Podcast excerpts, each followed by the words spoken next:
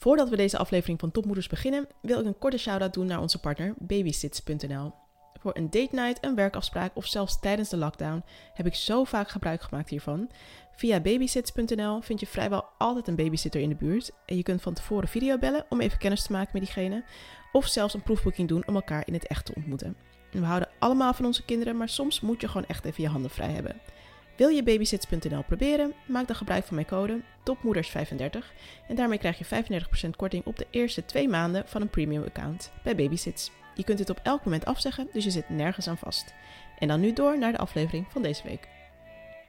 Hoe zorg je ervoor dat je relatie de komst van kinderen overleeft? Of nog beter, dat het misschien zelfs sterker wordt? De twee zussen, Veronne en Fleur, bedachten samen Bureau Liefhebbers. En daarmee willen ze ouders helpen om elkaar niet uit het oog te verliezen. Met Veronne heb ik het over rouwen om de oude versie van jezelf voor het ouderschap, langs elkaar heen leven en elkaars liefdestaal leren kennen. Veronne, Ja, welkom. dank. Leuk om je te zijn. Ja, leuk dat jij er bent. Eh, je hebt zelf eh, twee kindjes, Klopt. een jongen en een meisje. Ja. Eh, en die zijn elf maanden en En bijna drie. In juni drie. Ja. kleintjes nog. Dus eh, Zeker. ik begin altijd met de vraag, hoe was je nacht? nou, eigenlijk heel goed. Ik heb gewoon negen uur geslapen. Echt? Ja. ja mijn- Jaloers? Ja, ja, zeker. Nee, mijn kinderen, moet ik echt eerlijk zeggen, die slapen inmiddels gewoon allebei supergoed. Eh eerste was in het begin nog wel een uitdaging, maar eh, eh, nee, het gaat nu echt supergoed. Dus Oh. wij mogen helemaal niet klagen. Heerlijk, Nee, heerlijk. nee, gelukkig. Dus ik prijs mezelf erg gelukkig. Ja, Ja. dan heb je ja. in ieder geval heel veel tijd voor bureau liefhebbers. Zeker. Daar gaan we het over hebben. Ja. Ehm, kun je zelf een beetje vertellen van wat jullie daarmee doen? Ja, zeker. Nee, Bureau Liefhebbers hebben wij in begin dit jaar echt officieel opgestart. Maar we zijn er al wel een stuk langer mee bezig. Eh, mijn- Jij en je... Ja, ik en inderdaad. Mijn zusje Fleur en ik hebben ehm, eh, eh, nou, eigenlijk een, inderdaad een, een online platform opgericht. Misschien helemaal in het begin beginnen. Toen ik eh, ehm, in verwachting was van mijn eerste eh, dochter, Hazel. Toen eh, zaten mijn vriend en ik heel braaf bij een borstvoedingscursus. En ehm, daar zaten allemaal stellen, want je moest ook samen met je partner daar komen.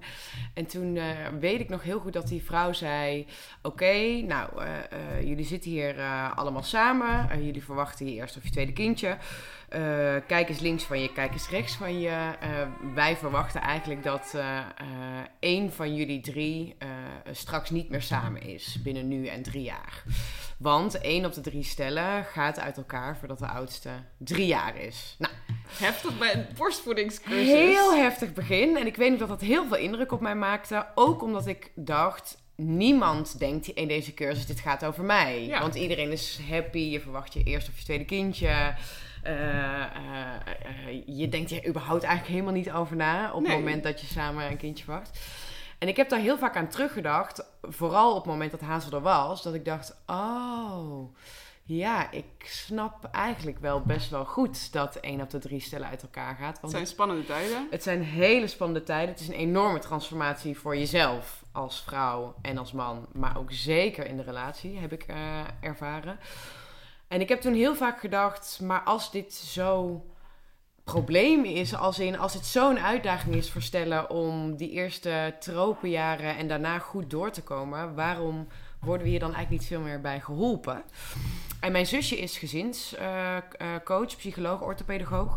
Eh, werkt al zeven jaar met gezinnen. En zij zei heel vaak: hoe, hoe, het zou zo fijn zijn als ik preventief al veel eerder de ouders had kunnen helpen. Eh, eh, ehm, en nu ben ik vaak er pas op het moment dat er echt een probleem is ontstaan. Ja. Eh, jij bent zelf ook relatie... eh, ik ben zelf relatiecoach. Ik ben, ik ben in mijn verlof de opleiding gaan doen. Omdat ik het Kijk. zo interessant eh, vond wat er gebeurde. En dat ik daar heel erg door getriggerd werd. Van hoe kan dit? En, en ik wil dit ontdekken. Ik wil dit snappen. En daar kwam ik er helemaal achter dat de wetenschap het, de komst van kinderen eigenlijk ziet als een relatiecrisis. Nee, ja. niet alleen de wetenschap, denk ik. Niet alleen de in- wetenschap. Veel mensen die dit herkennen, ja. Dus eh, eh, ja, toen hebben we eigenlijk de knoop doorgehakt van... wij willen hier iets mee gaan doen met onze kennis, onze ervaring... eh, en ook achtergrond. ja, willen wij gewoon mensen hierbij ondersteunen. Ja. En toen is Bureau Liefhebbers opgericht. Maar ik vind het wel grappig dat je zegt, in je verlof ben je Ja. even een opleiding genomen. Want je Ja. dacht niet, ik ga, nou nu, dit moet ik nodig zeggen, maar... Ja, ik wou net zeggen. Volgens mij eh, doe jij ook het een of het ander. Ja, ik, eh, ik hoopte eigenlijk dat ik de enige gek was die Ja. dit deed. Nee, maar nee, nee. Jij bent dus ook in je verloofdagje... Ja, Ik ja. ga er keihard tegenaan. Ja, ja, nou ja, ik, ik, eh, ik vind het fulltime moeder zijn vrij ingewikkeld. Dan, ik, ik merk dan aan mezelf dat ik na een tijdje een beetje onrustig word en, en weer dingen wil doen en ondernemen. Maar het was voor mij eigenlijk echt puur in het beginsel niet om er uiteindelijk mijn baan van te maken, maar omdat ik zo graag wilde snappen wat daar nou gebeurde. En met mij, met mijn relatie.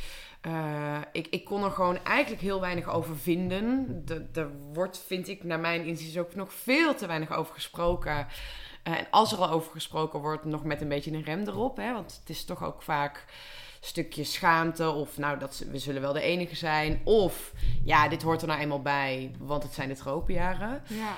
Ja, en dat, dat ging er bij mij gewoon niet in. Dat ik dacht, ja, oké, maar Ja, die, ik, ik hoor je ook zeggen tropenjaren. Ik zit te denken, waar komt die term nou weer vandaan? Ja, dat zo- is leuk dat je het vraagt. Dat Ja. heb ik opgezocht. Nee, ja, vroeger, het was zo dat, eh, volgens mij komt het dus uit de tijd dat eh, er naar de tropen werd gereisd vanuit, zeg maar, de scheepsvaart. Ja. En dat dat enorme heftige tijden waren voor de mensen die dat meemaakten.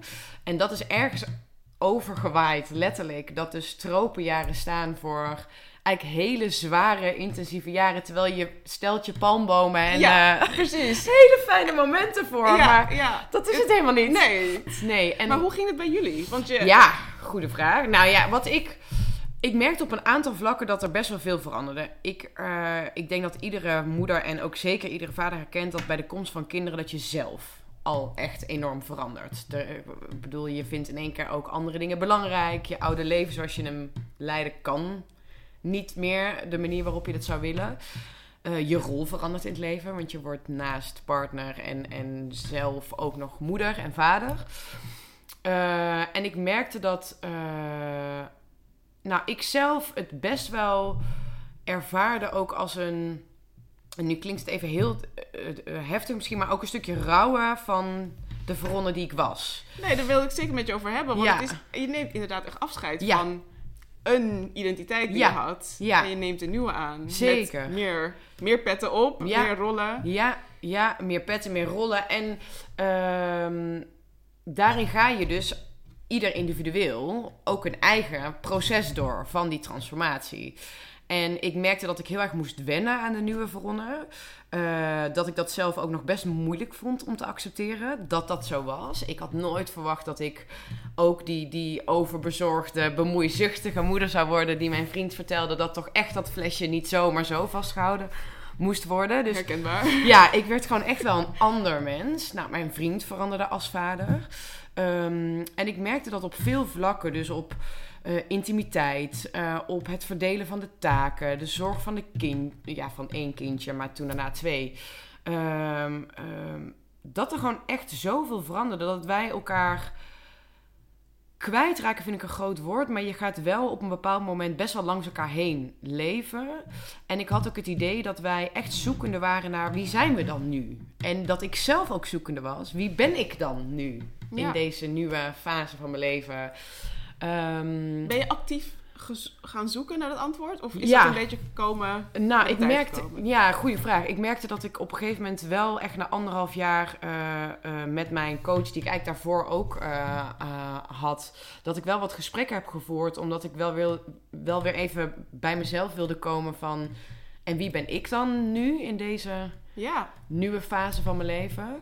Maar ook dat ik, en misschien herken je dat, dat ik merkte, en dat had ik nooit verwacht, dat je eigenlijk op alle vlakken, dat bijvoorbeeld schuldgevoel een emotie wordt Ja. die ik tot dan toe eigenlijk heel weinig had ervaren. Maar als ik op werk was, merkte ik een bepaald schuldgevoel richting mijn kind. Ja. Als ik dan bij mijn kind was, merkte ik een bepaald schuldgevoel richting mijn werk. Ja. Of de ambitie die ik daarin ja. had. En richting mijn partner merkte ik ook dat ik eigenlijk te futloos was om het beste wat ik had, gaf ik aan mijn kind. En daarna mijn werk. Ja. En dan aan hem. ja. Ehm, En wat bleef er dan nog voor jezelf over? nou, precies. En dat was eigenlijk überhaupt niet meer. Nee. Eh, en waar ik merkte dat ik... eh, wat ik heel zonde vond, is waar je voorheen eigenlijk altijd je best doet voor elkaar en het beste van jezelf aan de ander wil laten zien. Nou, liet ik nu eigenlijk de slechtste versie van mezelf aan hem zien. Ja. Weet je, de vermoeidheid, je projecteert het toch op elkaar. Ja. Je hebt geen idee wat je allemaal meemaakt met elkaar. Nee. De korte nachten, nou ja, dat heeft gewoon heel veel impact. Eh, en het gevaar wat ik merkte, en daarom ben ik ook die opleiding gaan doen, is dat je heel snel dus denkt: oké, maar dus mijn relatie heeft een probleem. Of Ja. wij hebben samen Ja. een probleem. En waar ik achter ben gekomen is dat. Nou, en dat, dat is ook wat, de- wat, wat de praktijk en de kennis laat zien, is dat ja, de, er verandert heel veel. En dat is op zich helemaal niet erg. Maar als je daar dus niet heel bewust mee aan de slag gaat samen, en ook alleen, dan kan het wel een probleem vormen. Ja, ja. Ja. Maar dat is het ook. Je hebt het heel erg over het kind. Ja. je Ja. weet dat er een kind geboren wordt, Ja. maar je vergeet dat er inderdaad ook nog een moeder wordt geboren en een vader. Ja, En, en dat je geen idee hebt wat dat inhoudt. nee, nee, nee. En dat, dat vond ik zo heftig, is dat ik denk dat er in Nederland een enorm goede... We hebben enorm goede zorg. Sowieso een, een, een enorme zorg voorafgaand aan de geboorte van een kind. We hebben een prachtige kraamzorg. Ehm, maar daarna moet je het wel zelf uitzoeken. En ik denk dat we inmiddels in een tijd zitten dat er steeds meer aandacht komt. En jij maakt een prachtige podcast over... Wat gebeurt er dan in, bij die geboorte van een moeder? Ja. Wat ik alleen erg nog steeds zo enorm mis in al die ondersteuning is... wat gebeurt er met je relatie? Ja. Want daar, dat is zo'n beetje nog eens taboe eh, sfeer. ja, maar het is ook net wat je zegt. Je neemt het maar voor lief of zo. Van Precies. het wordt zo. En, Ja. en nou, we zien elkaar over vijf jaar weer. Als Ja. de kinderen Ja, zelfstandig je lacht er een beetje om, hè? Je lacht het ook een beetje weg vaak. Van, nou ja, oké, dit hoort er nou eenmaal bij. En als je het er met vrienden over hebt, iedereen herkent het. Ja. Maar iedereen doet een beetje zo van, ja, oké, nou ja, dat is dan maar zo. Ja. Terwijl ja, en dat is wel, zijn wel de feiten, 40% van alle ouders gaat op dit moment uit elkaar in Nederland. Dat is Zo heel heftig. veel. Ja. 70.000 kinderen jaarlijks maken scheiding van hun ouders mee. Ja. En de relatie die je hebt met je partner heeft heel veel invloed op de ontwikkeling van je kind. Ja. Dus het is wel iets wat we wel degelijk eigenlijk heel serieus. Ja. Want het is natuurlijk, al die scheidingen gaan ook, ook niet allemaal liefdevol natuurlijk. Dus Nee, ook weer, eh, nee, en ik kijk nogmaals, ik ben niet een eh, eh, tegenstander van het uit elkaar gaan van mensen. Want soms is dat nou eenmaal het beste voor jezelf en dus voor je kind. En, Ja. en dat is helemaal oké. maar ik denk dat, en daar ben ik in die opleiding echt achter gekomen. Wat ik heel confronterend vond, is dat ik bij heel veel dingen dacht: waarom hebben wij dit niet geleerd? Ja. Weet je, op het moment dat jij een carrière gaat vormgeven, dat kost moeite. Daar word je in getraind, daar word je in begeleid. Op het moment dat je gezond wil blijven, dan, dan leren we over gezond eten. Dan gaan we naar de sportschool. Dat, weet je, dat gaat allemaal niet vanzelf. Nee. En bij liefde hebben we allemaal het idee, en zo zijn we ook een beetje opgevoed, dat gaat vanzelf. Ja. Dat er daar. En tuurlijk zeggen mensen, hè, liefde is hard werken. En, maar hoe dan? Ja. Ja. Wat doe je dan? Ja. Weet je? Wat, wat, hoe werk je hard? Ja, precies. Ja. Want aandacht geven en tijd geven, dat, dat is allemaal heel moeilijk geworden. Dat, is allemaal, dat heb je allemaal niet meer. Nee. Bijna. Nee, nee. Dat moet je maken dan in dit geval. Zeker. En als je dan, hè, want tuurlijk gingen wij ook op date nights, weet je, dat hoor je dan, hè? Van je moet gewoon één keer in de maand blijven daten en dat is super belangrijk. Is het ook? Ja, maar dan Maar- heb je dus de geforceerde, kom we gaan gezellig doen vanavond. Kom, we gaan zeggen. En dat ben, daar ben ik nog, nogmaals heel goed voorstander van. Maar het, wat ik heel erg merkte op die date night, dan wil je gewoon een leuke avond hebben. Ja, Weet je, dan ben je weer met elkaar, dan wil je lekker een wijntje drinken, dan wil je, eh, los van dat je het over je kindje of kinderen gaat hebben, wil je ook weer gewoon lekker het over luchtige dingen hebben. Ja. Dat zijn ook vaak niet de avonden dat ik dacht, nou laat ik nu eens even de diepte ingaan over wat ik Hoe eigenlijk staan we er eigenlijk voor? Ja, en, en als je dat al vraagt, dan is het nog een soort van... oh, fijn, we zijn weer even samen. Ja. Maar je gaat dan niet de moeilijke gesprekken aan... hé, hey, wat vinden we nu eigenlijk van onze taakverdeling? Ja. Eh, hoe dat nu, weet je? Of, Ja. hey, waar heb jij nu echt behoefte aan... en hoe kan ik je daarbij helpen? Weet Ja. je, dat zijn gesprekken waar, je, waar ik eigenlijk pas achter kwam... hoe die te voeren op het moment dat ik die opleiding ging doen. Ja. Nou, ik heb dus een aantal weken geleden met mijn man eh, Ja. zo'n gesprek Ja. gehad. En je Ja. hebt hem ge- geluisterd. Zeker, heel leuk, ja. Ehm, maar ik ben benieuwd hoe, hoe jullie dat aanpakken met Bureau Liefde. Ja, goede vraag. Nou, wat wij heel belangrijk vinden is dat, kijk, je hebt verschillende typen van hulp die je bij een relatie zou kunnen inzetten. Hè. Je kunt er natuurlijk boeken over lezen, je kunt er mooie podcasts over eh, maken. En dat is allemaal, denk ik, heel belangrijk. Je kunt ook in relatietherapie, relatiecoaching gaan. Nou, relatiecoaching is wat ik natuurlijk zelf eh, aanbied. Mijn zusje biedt daarnaast ook gezinscoaching aan voor mensen die ook echt met kinderen denken van, hé, hey, wij lopen tegen dingen aan. Ehm, en daarin merken wij al dat uh, coaching en therapie wordt vaak toch nog een beetje als laatste redmiddel ingezet. Dus Ja. we zien eigenlijk niet meer echt, echt een manier voor, eh, voor ons hoe we verder moeten. Laten we dit dan nog proberen. En dat is helaas vaak te laat. Ja. Eh, ehm, dus waar wij beide groot voorstander voor zijn, is dat het veel meer genormaliseerd zou moeten worden dat relatiecoaching ook als een soort van onderhoud. Van hé, hey, we, we gaan gewoon eigenlijk hartstikke goed. En toch vinden wij het heel belangrijk om te blijven verdiepen, te blijven investeren. Ja. Eh, laten we daar eens hulp bij inzetten, want iemand kan je echt op een hele andere manier laten denken. Ja. Ehm, maar wat mijn zusje en ik heel belangrijk vonden is dat, want dat zijn, dat is er al, hè. De, eh, maar wat wij ehm, zelf merkten is dat waar wij zelf behoefte aan hadden, is vanuit die positiviteit, vanuit die preventieve eh, eh, hulp, dat wij het heel leuk zouden vinden om een mooi programma te maken waarin mensen op een hele eigenlijk ja, luchtige, praktische manier, eh, gewoon thuis vanuit de bank, konden intunen op, op workshops waarin ze eigenlijk aan de hand worden meegenomen met hele leuke communicatieoefeningen, behoefteoefeningen, hele toffe dingen die er eigenlijk in de workshop zitten, zodat je weer een keer twee uur met elkaar bent, ehm, op hele leuke manier wordt aan het denken wordt gezet en vragen krijgt van ons. Wat je eigenlijk samen met z'n tweeën dus doet. Dus, dus wij proberen tijdens die workshops je op een hele leuke manier eigenlijk te ontzorgen eh, om het gesprek te voeren. Ja. Want, en dat is denk ik fundamenteel wat er gebeurt op het moment... Als ik met mijn vriend een gesprek voer over onze relatie en ik vraag aan hem: hey, hoe eh, tevreden ben jij nou, met ons? Maar ook bijvoorbeeld: hey, wat vind je op dit moment van onze intimiteit en van ons seksleven? Dan is dat direct een vraag die iets met hem doet. Ja. Als ik dat aan hem vraag. Ja, Want ja. daar zit misschien wel een oordeel in. Of mensen voelen zich aangevallen. Ja. Of...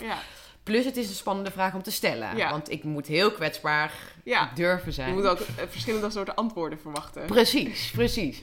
Op het moment dat wij in de workshop eh, jullie de opdracht geven om het over bepaalde behoeften te hebben of bepaalde vragen voor jullie hebben, dan is dat veel meer oordeelloos. Ja. En kun je veel meer vanuit een soort van openheid met elkaar dat gesprek voeren. Want iemand anders stelt je die vraag. Ja, ja, precies. En dat is wat wij nu in eh, heel veel terugkrijgen van ouders die meedoen.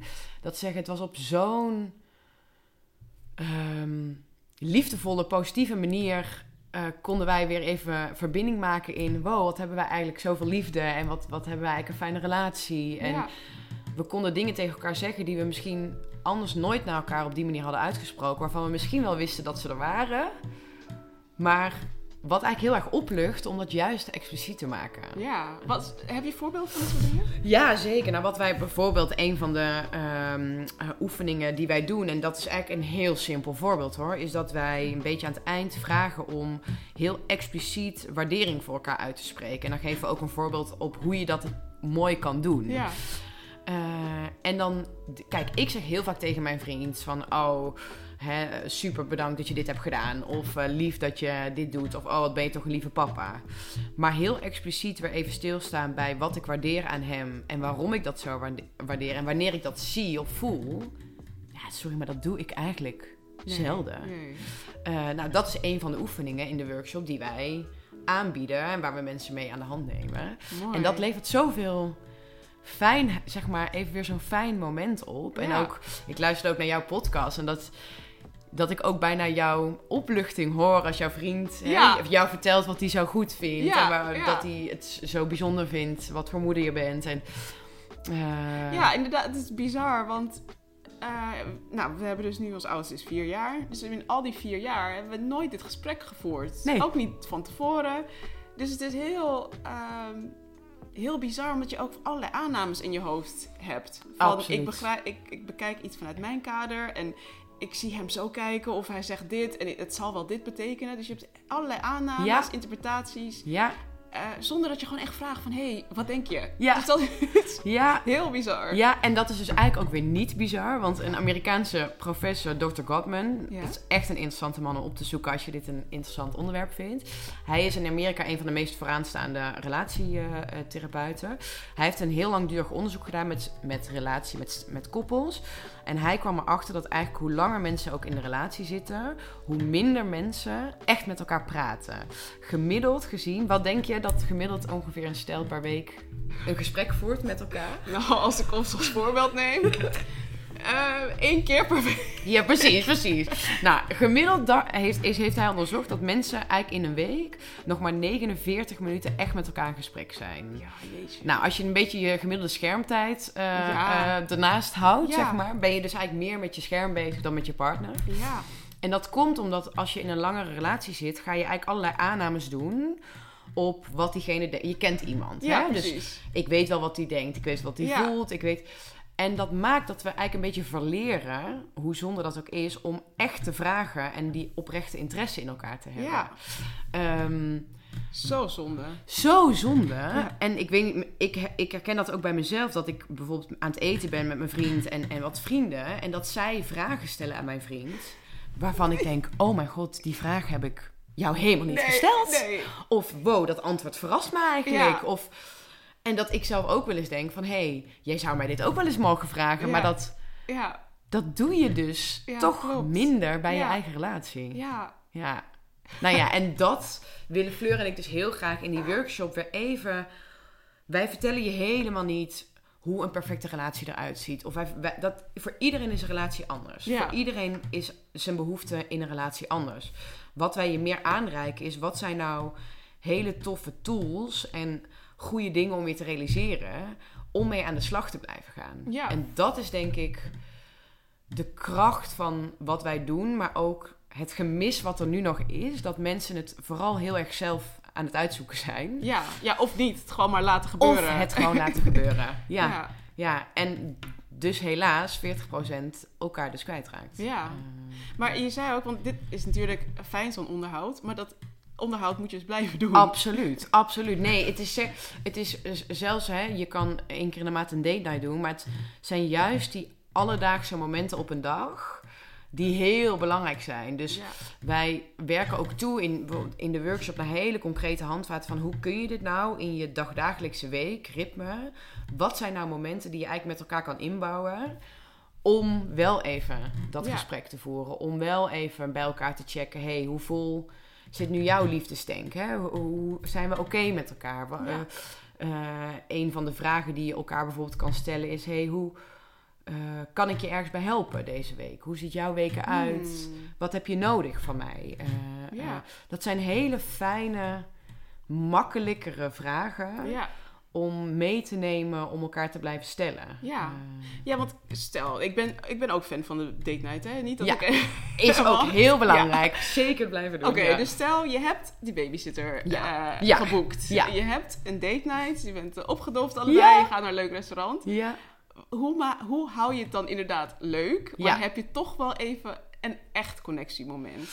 Ja, nou ja, ja eh, ehm, is er iets waarvan jij zegt dat is voor mij iets wat heel erg werkt? Want Ehm, ja, ik merk gewoon dat wij zelf. We hebben het dan toch wel even over de kinderen. En op een gegeven moment hebben we dat door. En dan Oh, ja. we, oh nee, we moeten even switchen. En dan Ja. gaat het over werk. Dus ik denk dat we daarom dat, als we dat hebben gehad, het is altijd dat rieltje. De kinderen, werk. Ja, ja. Ik denk daarna komt echt pas een moment dat we denken van, oh ja, we kunnen het ook over andere dingen hebben. Oh ja. Eh, ja. ambities, dromen. eh, Mooi. Ehm, ja, ik denk dat we dan heel snel gaan naar toekomst. Hoe Oh, zien ja. we de rest van ons leven voor ons? Of al is het, hoe zien we de volgende vakantie voor ons? Ja, Of, precies. ehm, ja, ik denk dat dat zo ongemerkt, dat dat altijd een beetje de flow is. Ja, ja, ja. Nou, nee, volgens mij is dat al is dat heel herkenbaar voor heel veel mensen. Trouwens ook voor mij. Ja. Eh, en ik denk al heel mooi om die gezamenlijke dromen, maar ook die individuele dromen, juist Ja. met elkaar te blijven Ja. delen. Want dat is super krachtig. Ik denk een van de dingen die je zou kunnen doen is ehm, dat je bijvoorbeeld bij iedere date night elkaar wel de vraag stelt: hey, hoe vol zit jouw liefdestank op dit Oh. moment? Ja. En wat zou, er, zou ik eraan kunnen doen om die wat meer aan te vullen Ja. deze week? Want wat, eh, het is bij jezelf heel goed om die check te doen van... hey, hoe, zi- hoe, zit dat, hoe zit ik daar eigenlijk in? Want kijk, op het moment dat de dingen veranderen... of op het moment dat je ehm, kinderen krijgt en, en andere prioriteit krijgt... dat is helemaal niet het probleem. Ja. Wat het probleem is, is dat je eigenlijk zelf op een bepaald moment misschien de weinig, te weinig de check doet. Ja, Hoe sta ik er zelf in? Wat heb ik nu nodig van de ander? ja. En hoe blijven wij daarin in verbinding? En dat is vaak het moment dat, of het punt waarop mensen elkaar meer en meer kwijtraken. En het gesprek maar vooral niet gaan voeren, want hè, dat er ook nog. Ja, En ja, einde dag. Einde dag, ik ben al kapot, Ja. ik heb geen zin in gezeik. Nee. Ehm, maar om vanuit die positiviteit bij jezelf de check te doen: hé, hey, hoezo, hoe, hoe, hoe zit het eigenlijk met mijn liefdesdenk? Hoe, eh, hè, zie, je het als een, je, je ziet het toch een beetje ook als een auto die rijdt ook niet zonder benzine. Je zult moeten blijven investeren. En, en vanuit die positiviteit, hoe kan ik hem vergroten? Dus niet, oké, waarom is het een 6 en oh, eh, laten we het daar vooral over hebben. Nee, hoe kan ik er een 8 van maken? Ja, Eh, of hoe kan ik er een 10 van maken? Je kunt het ook gewoon, hè, geef eens even een cijfer aan je gevoel. En hoe, hoe maak ik van een 7 een 8? mooi. Dan kun je op hele kleine stapjes kun je al inchecken. Ja. Daarbij komt kijken dat iedereen ook een andere liefdestaal heeft. Nou, hè? Dat had ik, precies dat wilde ik je Ja. vragen. Van, hoe ga je daarmee om? De Ja. ene, voor de ene is het eh, ik veel, koken, de ander is het Ja. eh, seks, voor de ander is het ja. Zeker. En dat is denk ik een heel leuk gesprek om met elkaar te voeren. Van wanneer voel jij dat die liefdestank gevuld wordt? Kijk, voor mij is het heel belangrijk om eh, die kwetsbaarheid en die emotionele verbinding met mijn vriend te hebben. En, het, eh, en even mijn gevoel te kunnen uiten bij hem. Daarin gezien en gehoord te worden. eh, en, en dat moment van gesprek met hem te hebben. Voor hem kan het heel belangrijk zijn om iets leuks met mij te gaan doen. Of gewoon simpelweg naast mij op de bank eh, tegen me aan te komen zitten en er gewoon samen te zijn. Ja. Dat kan voor hem een prettige manier zijn. Ik kan heel hard mijn best doen om inderdaad hem heel erg te gaan ontzorgen, voor hem te koken. Dat is helemaal niet zijn liefdestaal. Ja. Dus dan kan ik heel hard werken en Ja. denken, maar ik doe toch zoveel, ik doe toch mijn best. Maar op het moment dat dat helemaal niet voor hem voelt als, oh, dat is voor jou. Daar laat hij niet van op. Nee, daar laat hij niet van op. Nee. Uh, ehm, dus ik denk dat dat inzicht in elkaar van hoe, wanneer voel jij je geliefd, gezien, gehoord, eh, hoe kan ik daar op hele kleine manieren aan bijdragen, is al super waardevol. En ja. Ik denk wij, eh, dat is ook het mooie, maar ook meteen het confronterende. Mijn vriend en ik zijn natuurlijk ook door deze hele rij, weet je, bij mijn opleiding. We werden natuurlijk ook heel erg geconfronteerd met onze eigen relatie. Ja. Ook met het opzetten van dit bedrijf, met het vormgeven van de workshops. We hebben ook alles zelf doorleefd.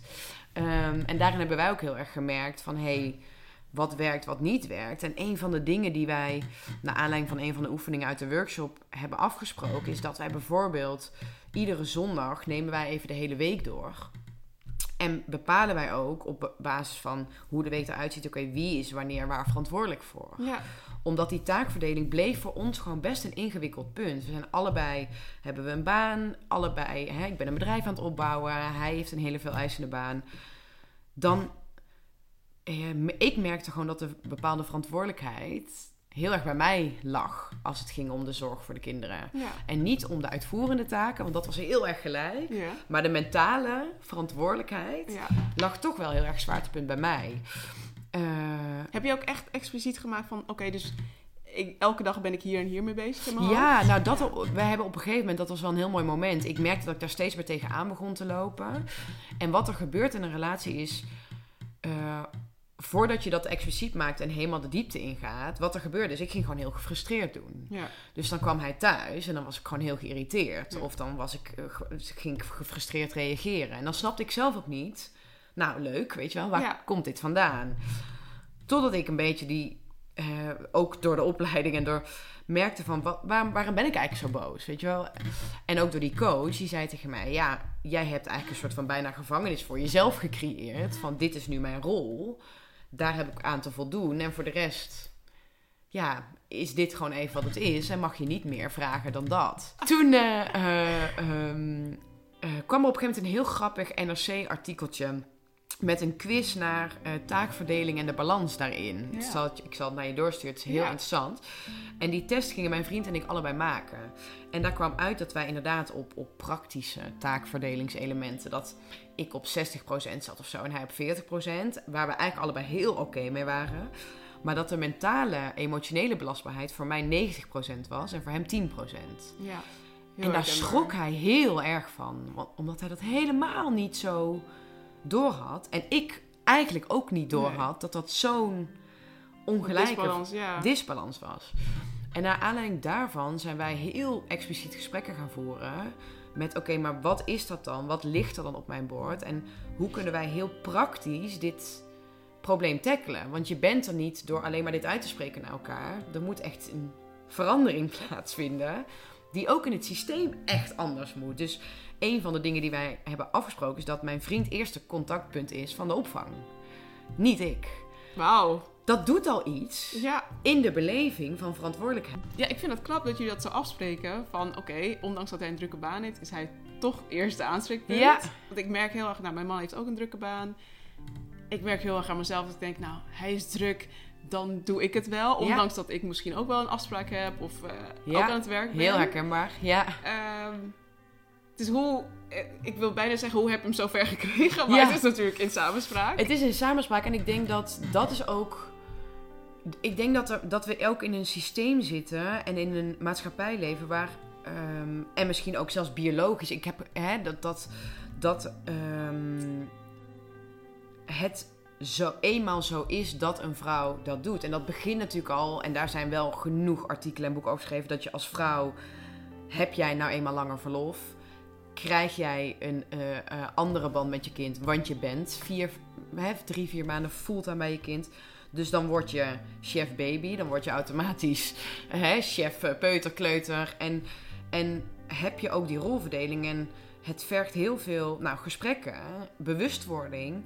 Maar ook echt wel confrontatie met jezelf en ook met de ander om hier doorheen te gaan. En ik denk dat het nog bijna meer van mij heeft gevraagd om het los te laten, dan van hem heeft gevraagd om het op te pakken. Want Ja. op het moment dat dit inzicht kwam, het kostte hem echt nul moeite om te zeggen: Oh, maar dan pak ik dit op, of dan doe ik dat. Of oh, maar dat vind ik eigenlijk ook heel leuk of heel fijn.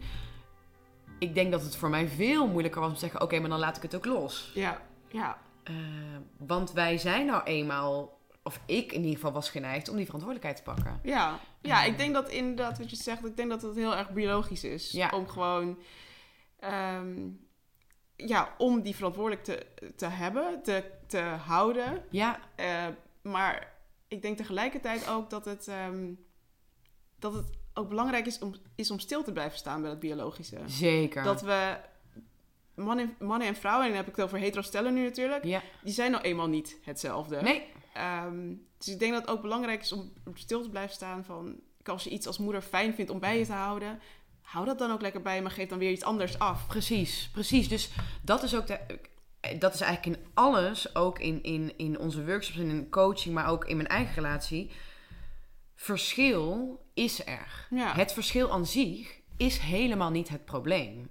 Waar het probleem ontstaat, is op het moment dat er niet gesproken wordt over de verschillen die misschien niet fijn aanvoelen. Want er zijn ook dingen in de disbalans die misschien niet prettig zijn. Ja, Er zijn misschien ook ehm, eh, dingen in je communicatie die je minder prettig vindt. Of dingen die er gebeuren in je relatie waarvan je denkt: hé, hey, ik vind het eigenlijk helemaal niet zo fijn. Op het moment dat eh, de intimiteit heel erg verandert naar de komst van kinderen, wat bij mij ook zeker het geval was, dat dat zo is, is helemaal niet erg. ja, Maar op het moment dat daar niet over gepraat wordt, of we doen de aannames daarin van: oké, nou ja, dit zal wel even zo zijn en dat is voor ons allebei oké. ja, Het gesprek wordt niet gevoerd ja, daar staat ruimte voor eventueel wel problemen. ja, Ehm, maar dat is meteen ook het allermoeilijkste wat er is. ja. Ik ben wel benieuwd, hebben jullie... want ik- We hebben het heel erg over, over man-vrouw, hè? Ja. Hebben jullie ervaring met hetero... eh, met ah, Eh, stellen uit de... No- eh, mijn zusje zeker wel. Ja, mijn zusje is in haar gezinscoaching 100%. Ja, eh, ja. zeker wel. Ik heb zelf nog niet een eh, eh, eh, homoseksueel eh, eh, stel eh, gecoacht, zeg Ik maar. ben gewoon heel erg benieuwd of het inderdaad dat man-vrouw is. Dat er degene die heeft gebaard of, de, of geadopteerd de Ja. moeder, eh, of die automatisch die rol op zich neemt. Of dat het misschien bij twee moeders heel anders zou zijn, of bij twee vaders heel anders Ja, dat is eh, super interessant om daarover na te denken. Ik denk dat het niet zozeer. Ik denk dat het eh, deels persoonlijkheid ook gebonden is. Dus echt niet alleen man-vrouw. Want ik ken ook genoeg mannen.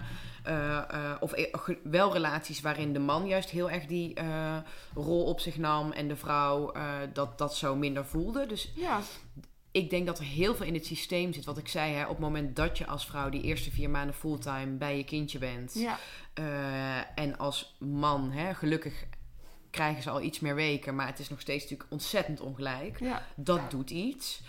Ik denk eh, op het moment dat stellen beide besluiten, of het nou man, man, vrouw, vrouw, man, man is, dat ze beide die eerste vier maanden fulltime bij hun kind zijn, dat dat echt al een fundamentele verandering teweeg brengt in wat er daarna gebeurt. Ehm, maar ook in dat systeem eh, zitten we nog niet als maatschappij. Want Nee. ook al zegt eh, de overheid, je krijgt vijf weken. Ik ken weinig mannen die die vijf weken gepakt Ja. hebben. ja. Eh, ja, of die, die dat, die, waarbij dat echt gestimuleerd wordt. Of, ehm, Nou, inderdaad, vanuit het werkveld ook. Dat Precies. iemand zegt, oh ja, tuurlijk, ga maar eh, Ja. vijf weken met verlof. ja, ja, dus ik, ik, ik vraag me echt af, en daar zijn ook echt al onderzoeken naar geweest. Het is echt niet alleen biologisch. Het zit Ja. ook echt in het systeem waarin wij ja, met elkaar leven. In Nederland in ieder geval. Want het is zeker niet in ieder land Ja. zo. Ehm, nee, dus dat. En ik denk dat, eh, en dat is wel vanuit mijn opleiding, iedere, in iedere relatie zit ook weer een andere dynamiek. In Ja. iedere, Iedereen heeft zijn eigen eh, patronen. Ja. Eh, iedereen heeft zijn eigen dingen waar hij tegenaan loopt. En dat is zo ongelooflijk complex. En, ehm, maar wat wel echt een gemene deler is, is dat we allemaal toch hè, vanuit de sprookjes. Ze leefde lang en gelukkig. Ja, En dan houdt de film op. ja, Maar wat gebeurt er daarna? ja. We zien het tot dat moment. Weet je, we zien het tot, dat, dat er heel veel liefde is. En je zit in de verliefdheidsfase. En je, oh mijn god, het is de ware. Ja, ja, En dan? ja. En daarin moet het allemaal maar zelf uitzoeken. En dat vind ik persoonlijk heel raar met de kennis die ik nu heb. Ja, ja, is het ook. Ja, Ja.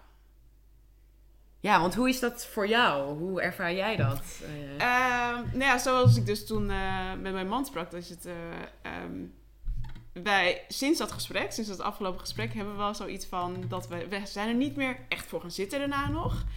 Maar wel dat we tussendoor, als er iets voorvalt, dat we denken van, oh ja, hier moeten we het even over hebben. oh ja. En dat we dan echt erbij stilstaan van, oké, dit is een rolverdeling waar we het niet over hebben gehad. Of een taakverdeling waar we het niet over hebben gehad. Dus hoe vinden we dit oké zo? Mooi. En, ehm, en of alleen maar het even benoemen al, Ja. is al fijn. Dat ik zeg, Super ja kijk, eh, daar denk jij bijvoorbeeld niet over na. En daar loop ik al de hele dag aan te denken bijvoorbeeld. Ja, Ehm, en daar hebben we het er gewoon even over. mooi. Dus ik denk ehm, gewoon het besef. ja, En ik denk zeker als je zo'n workshop hebt gedaan, dat je de, de vragen, de oefeningen zeker. in je hoofd blijft houden. Ja, Ehm, en dat je zo dat onderhoud een beetje kan. Ja. eh, Ja. eh, misschien low-key. Dus Ja. dat je niet elke maand zo'n hele workshop doorloopt. zeker. Hoeft ook Maar- absoluut niet. Nee. Ja, dus Nee. je inderdaad wel eh, gewoon even bij stilstaat. Ja. Ik denk dat dat heel fijn is. Ja, ja, ja, dat is heel belangrijk. Ja. Ja, zeker, zeker, nou, zeker. heel fijn. Super. Ja. Dat Ja. jullie er hiermee bezig zijn. Dank, ja, Ja. dat vinden wij ook. Dat vinden Ik, wij ook. eh, ik wil afsluiten met, je, met een paar vragen. Ja, Eh, en de eerste is, wat is je grootste motherfucker? en dat is je meest onaangename verrassing van het moederschap. Ja. Eh, God. Nou, ik denk als ik iets heel specifieks moet benoemen, vond ik het echt super intens om te merken ehm, wat het met mij als persoon deed in, die, eh, in dat stukje bemoeizucht. Ja. Dat vond ik echt heel. Dat dan zag ik mezelf bezig en dacht ik: oh mijn god, ben ik dit? Ja. Eh, en de tweede letterlijke motherfucker, maar die komt ook echt even door de term dat ik eraan denk, is dat ik het ook heel intens vond dat er zoveel gebeurt met je libido als Ja. vrouw. dat ik echt, eh, ja, vond ik gewoon heel heftig. Ja, ja. Dat ja, die echt gaat zo moeten van- ontdekken. Zo. uit, uit het raam. Uit het raam. Ja. Ja, dat vond ik heel, eh, ja, dat vond ik echt, echt wel een motherfucker, zeg maar. Ja, ja. le- letterlijk. no ja. motherfucker. No motherfucker, ja, precies. precies. Ja, ja. Eh, het tweede is, wat is je breekijzer? Wat, wat, waar breek je van als moeder? Ehm, nou, in de positieve, eh, waar breek ik van, is dat ik het. eh, als, ik, als ik de liefde zie die wij samen hebben voor onze kinderen, maar dus de gedeelde liefde. eh, en die ik dan vooral, hè, want je ziet hem letterlijk bij je man voor je kinderen, daar kan ik echt van breken. Dan ben ik echt intens gelukkig. Dus dat is meer de, mooi. de, Ja, mooi. de, de mooie breking. En wat ik. Wat ik eh, he- hele heftige momenten vind, is op het moment dat. ehm, dat ik zie dat ik. ehm, soms mijn eigen dingen projecteer op mijn kinderen. Hmm. Dus dat als ik niet lekker in mijn vel zit, of ergens heel erg van baal, of iets heel ingewikkeld vind, eh, en het mezelf, z- nou ja, eigenlijk zie uit op mijn kinderen, Ja. en dan kan ik me daar zo schuldig over voelen. Ja. Dat vind ik hele ingewikkelde dingen. En nogmaals, echt nobody's perfect. En ik ben heel oké met het feit dat ik fouten mag maken en dat uiteindelijk het goed maken belangrijker is. Ja. Eh, ja, maar ik vind bijvoorbeeld hè, op het moment dat ik ruzie maak met mijn vriend voor mijn kinderen. Of als ik een keer toch iets te heftig reageer op een dochter die echt niet wil luisteren. Omdat ik zelf een slechte nacht heb gehad. Weet je, dat, Ja. Ja. dan kan ik daar wel echt ja, denken, oh mijn god. Ja, wat hebben we allemaal inderdaad. Ja, Denk ik we all eens, have it. ja, Ja, ja. ja. maar dan, eh, ja, dat kan me dan echt wel doen. Ja, ja, dat snap ik. Ja. Ja. dus- Ehm, maar je hebt ook heel veel leuke momenten, denk ik, als moeder. Zeker weten. Ehm, wat is je laatste Mom of the Year Award moment? Dat je Oh. dacht, dat heb ik wel even geflikt. Dat heb ik wel even geflikt. Nou, eigenlijk afgelopen week. eh, wij gingen vliegen voor het eerst met twee kindjes. Kijk. Eh, eh, en eigenlijk werd mijn zoontje dus de nacht voordat we gingen vliegen een beetje ziek. Eh, en de dag later kwam ik erachter dat de waterpokken doorkwamen. Dus dat was de reden. Ehm, maar vliegen met twee kindjes om vier uur s'nachts. Uh, uh, en dat ging zo soepel. Oh, kijk. Wij waren zo ontspannen. Mijn kinderen waren ontspannen. Het was gewoon een feest. En ik zat in dat vliegtuig en ik, echt, dat, ik voelde me echt letterlijk sky high. Ik dacht, nou, dit, dit flikken wij gewoon. Oh, wat heerlijk. Ik heb echt de leukste kinderen. De mensen in het vliegtuig vonden mijn kinderen leuk. Weet je wel, dat je echt denkt, woehoe, weet Ja. je. Gewoon no troubles. Ja. Heerlijk. Maar dat had misschien ook iets te maken met de zonnige bestemming. Ja, geen idee. Maar het was gewoon, we waren gewoon heel erg in een lekkere vibe. En het was echt chaos op Schiphol. Het was, we hebben echt twee, we waren echt één minuut voor tijd bij de gate. Terwijl we tweeënhalf weet je, het was eigenlijk alle situatie. Mijn, kind, mijn kindje was ziek. Dus alle omstandigheden waren juist helemaal niet chill. Nee. Maar wij bleven heel ontspannen. En dan, op dat zo'n moment kan ik wel denken, oh ja, ik of kan dit. year, ja. Ik ben echt mom of the year. Ja. Ja. ja. Mooi. Ja. Dankjewel, Fronde. Yes. Bureau Liefhebbers, bedankt. Yes. eh, waar kunnen ze terecht? Nou, op www.bureauliefhebbers.com. Uh, ook op de Instagram, bureau.liefhebbers. Ja, en daar vind je ook uh, blogs, tips, tricks. Als je niet meteen denkt, hé, hey, uh, ik, ik wil er gewoon eerst eens meer over leven. Ja, dan, maar je kunt daar ook echt al meer vinden over de workshop en over de coaching aan zich. Dus ja, en ik gun het echt iedereen om mee te doen. Want het is een cadeautje voor jezelf en voor je relatie. Dus, Zeker. Ja. Dankjewel. Heel, jij bedankt. Fijn dat ik er mag zijn. Ja. Yes. Heel veel herkenning tijdens het gesprek met Veronne. Wat overal weer in terugkomt, is ga het gesprek met elkaar aan. Maak geen aannames, maar probeer echt actief uit te vogelen wat werkt. Qua taakverdeling, qua tijd voor elkaar en voor jezelf natuurlijk. En blijf dat ook doen, dat onderhoud waar ze het over heeft. Meer info over Bureau Liefhebbers vind je in de show notes. Vond je dit een leuke aflevering? Abonneer je dan op de podcast. Deel je gedachten met mij via een DM op Instagram, Promes. Of deel deze aflevering met iemand die dit moet beluisteren. Tot de volgende!